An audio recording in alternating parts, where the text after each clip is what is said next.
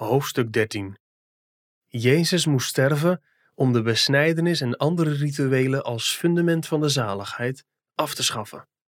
Maar ik, broeders, als ik nog de besnijdenis verkondig, waarom word ik dan nog vervolgd? Dan is immers het struikelblok van het kruis teniet gedaan.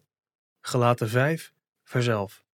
Allen die zich mooi willen voordoen naar het vlees, dwingen u zich te laten besnijden, alleen om niet vanwege het kruis van Christus vervolgd te worden. Gelaten 6, vers 12. Onder de eerste christenen ontstond veel beroering over de besnijdenis. God had er in Genesis 17, vers 10 opdracht toegegeven. Waarom moest dit al zo lang in ere gehouden Bijbelse ritueel ineens worden afgeschaft?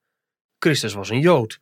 Zijn twaalf apostelen waren Joden. Bijna alle eerste bekeerlingen waren Joden. De Joodse geschriften maakten en maken nog steeds deel uit van de Bijbel van de christelijke kerk dan is het toch niet verbazingwekkend dat Joodse rituelen door de christelijke kerk worden overgenomen? Dat gebeurde dus ook. En daardoor ontstond al die beroering. De boodschap van Christus werd ook in niet-Joodse steden als Antiochië in Syrië verkondigd. Heidenen kwamen tot geloof in Christus. Men kon niet meer om de vraag heen hoe de kernwaarheid van het evangelie zich verhield tot een ritueel als de besnijdenis. Hoe moest je die rituelen zien in relatie tot het evangelie van Christus? Het nieuws dat je zonden je zijn vergeven en je rechtvaardig bent voor God als je gelooft in Hem. Dan is God voor je, dan heb je het eeuwige leven.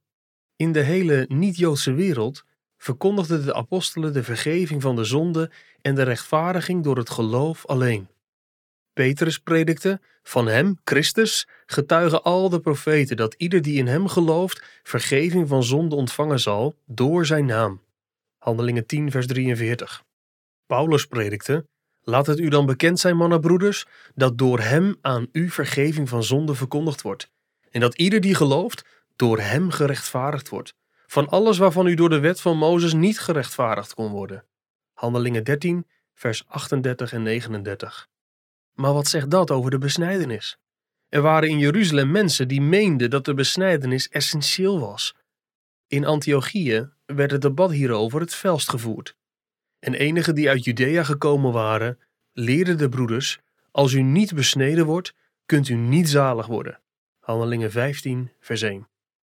Er werd een vergadering belegd en over de kwestie gedebatteerd. Maar er zijn enigen opgestaan die zeggen dat men hen moet besnijden en moet gebieden de wet van Mozes in acht te nemen. En toen stond Petrus op en hij zei tegen hen: Mannenbroeders, u weet dat God onder ons mij uitgekozen heeft zodat de heidenen uit mijn mond het woord van het evangelie zouden horen en zouden geloven.